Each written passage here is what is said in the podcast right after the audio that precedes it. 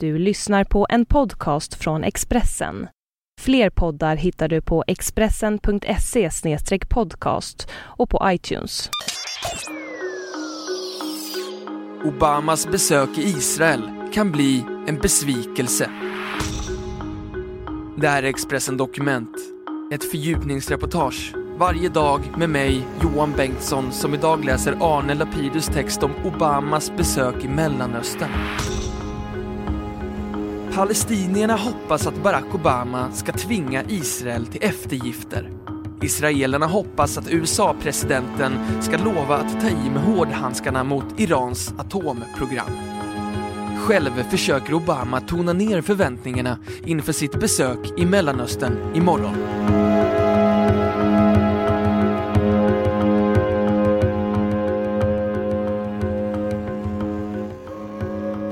Den idag så solida alliansen mellan USA och Israel är ingen självklarhet. Den har vuxit fram först under de senaste decennierna. USAs stöd var obetydligt under den judiska statens första årtionden, då amerikanerna mest såg Israel som en strategisk belastning.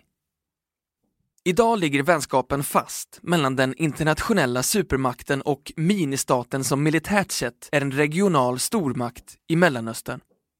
President Barack Obamas besök i Israel och de palestinska områdena ett uttryck för denna nära relation. Shmuel Sandler, professor i statskunskap vid Bar Ilan-universitetet intill Tel Aviv, tror att Obama med sin visit också vill förbättra de spända relationerna med Israels premiärminister, Benjamin Netanyahu. Obama är sedan länge missnöjd med att Netanyahu ökar byggandet av bosättningar på ockuperat område. Att Netanyahu dessutom stödde utmanaren Mitt Romney i det amerikanska valet i höstas har inte direkt gjort Obamas känslor varmare. Obama vill få till en nystart med Netanyahu. Personkemin är inte den bästa, men till slut avgör nationernas intressen, säger Shmuel Sandler, expert på relationerna mellan Israel och USA. Båda ledarna är omvalda. De måste leva med varandra i fyra år till. Det är inte läge att gräla och båda vill forma sin plats i historien. Iran och den israelisk-palestinska fredsprocessen står på dagordningen. Jag tror att Obama vill försäkra folket i Israel att de kan lita på USA när det gäller Iran. Och på så sätt vill han övertala Netanyahu att inte agera på egen hand mot det iranska atomprogrammet, säger han. Vita huset gör allt för att ge besöket låg politisk profil. Obama gick ut rätt hårt för fyra år sedan när han manade till förhandlingar och fördömde Israels bosättningspolitik i skarpa ordalag. Men när parterna på nytt körde fast drog han sig snabbt tillbaka. Nu vill han inte bli beskylld för att misslyckas på nytt och sänker därför förväntningarna. Den inflytelserike amerikanske journalisten Thomas Friedman, stjärnkolumnist i New York Times och uppfattad som närstående Obama, skriver att den israelisk-palestinska konflikten har hamnat långt ner på USAs dagordning. Dels för att den inte längre hotar att sätta världen i brand. Andra konflikter i Mellanöstern är farligare och dels för att USA inte längre är så beroende av Mellanösterns olja. Därför har den israelisk-palestinska frågan, enligt Friedman, förvandlats från en nödvändighet till en hobby för USAs diplomater. Thomas Friedman skriver så här. Som med varje annan hobby, som att bygga modellplan eller sticka tröjor, är det så att vissa dagar sysslar du med den, andra dagar inte. Det beror på vad du har lust med. Men vanligen spelar det inte så stor roll när tröjan blir färdig. Obama jobbade med sin hobby i början av sin första mandatperiod.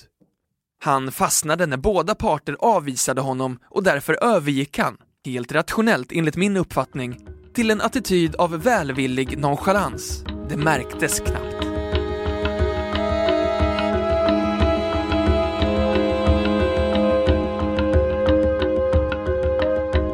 Expressen Dokument, en podcast från Expressen. Men för israeler och palestinier är konflikten ingen hobby. och palestinska talesmän understryker att det är av högsta vikt när tröjan blir färdig, för att använda Friedmans uttryck. Vi har inga förväntningar på besöket, men vi har försiktiga förhoppningar. Vi hoppas att Obama ser verkligheten och förstår att det krävs en omedelbar lösning.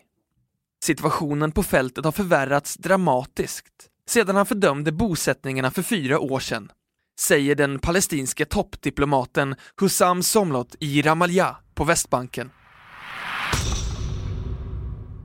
När Obama åker från Jerusalem till Västbanken kommer han se en mur. Hårda vägspärrar och vägar bara avsedda för bosättare.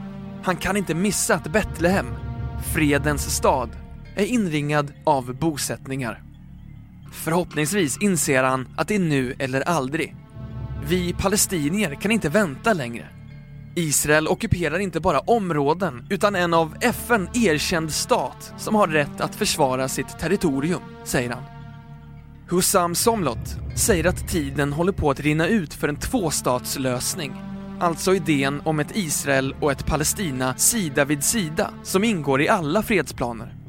Istället finns det redan idag två stater, anser han. Den ena för israeler inne i det egentliga Israel. Den andra för israeliska bosättare på den ockuperade Västbanken. Palestinierna är frustrerade över vad de ser som USAs ensidiga stöd för Israel.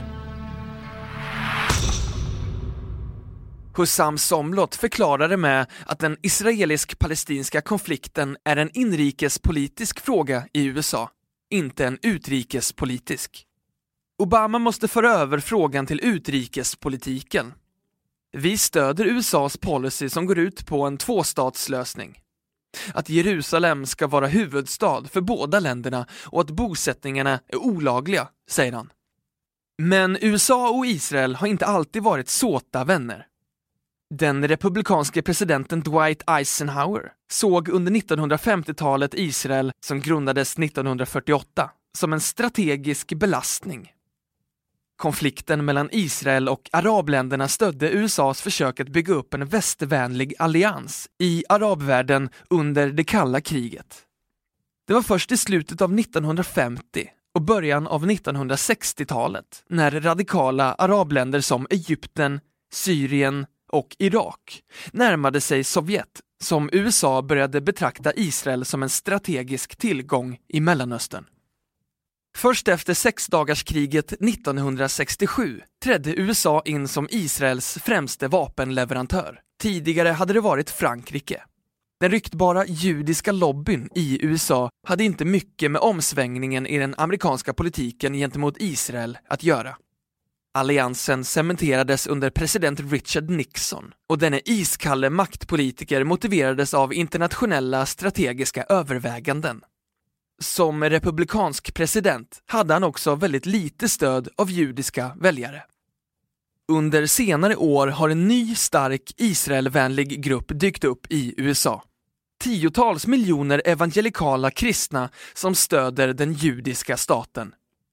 USA ser Israel som en stabil allierad i det oroliga Mellanöstern.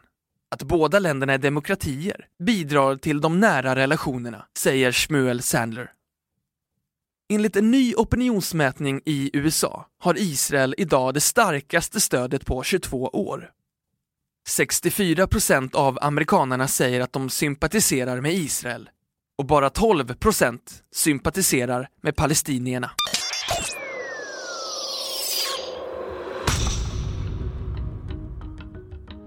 Du har hört Expressen Dokument, ett fördjupningsreportage om Obamas besök i Mellanöstern av Arne Lapidus, som jag, Johan Bengtsson, har läst upp.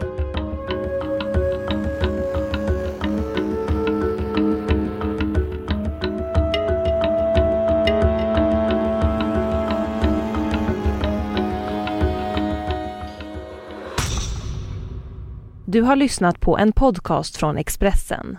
Ansvarig utgivare är Thomas Mattsson. Fler poddar finns på Expressen.se och på iTunes. Ett poddtips från Podplay. I fallen jag aldrig glömmer djupdyker Hasse Aro i arbetet bakom några av Sveriges mest uppseendeväckande brottsutredningar Går vi in med hemlig telefonavlyssning och, och då upplever vi att vi får en total förändring av hans beteende. Vad är det som händer nu? Vem är det som läcker? Och så säger han att jag är kriminell, jag har varit kriminell i hela mitt liv men att mörda ett barn, där går min gräns. Nya säsongen av Fallen jag aldrig glömmer på Podplay.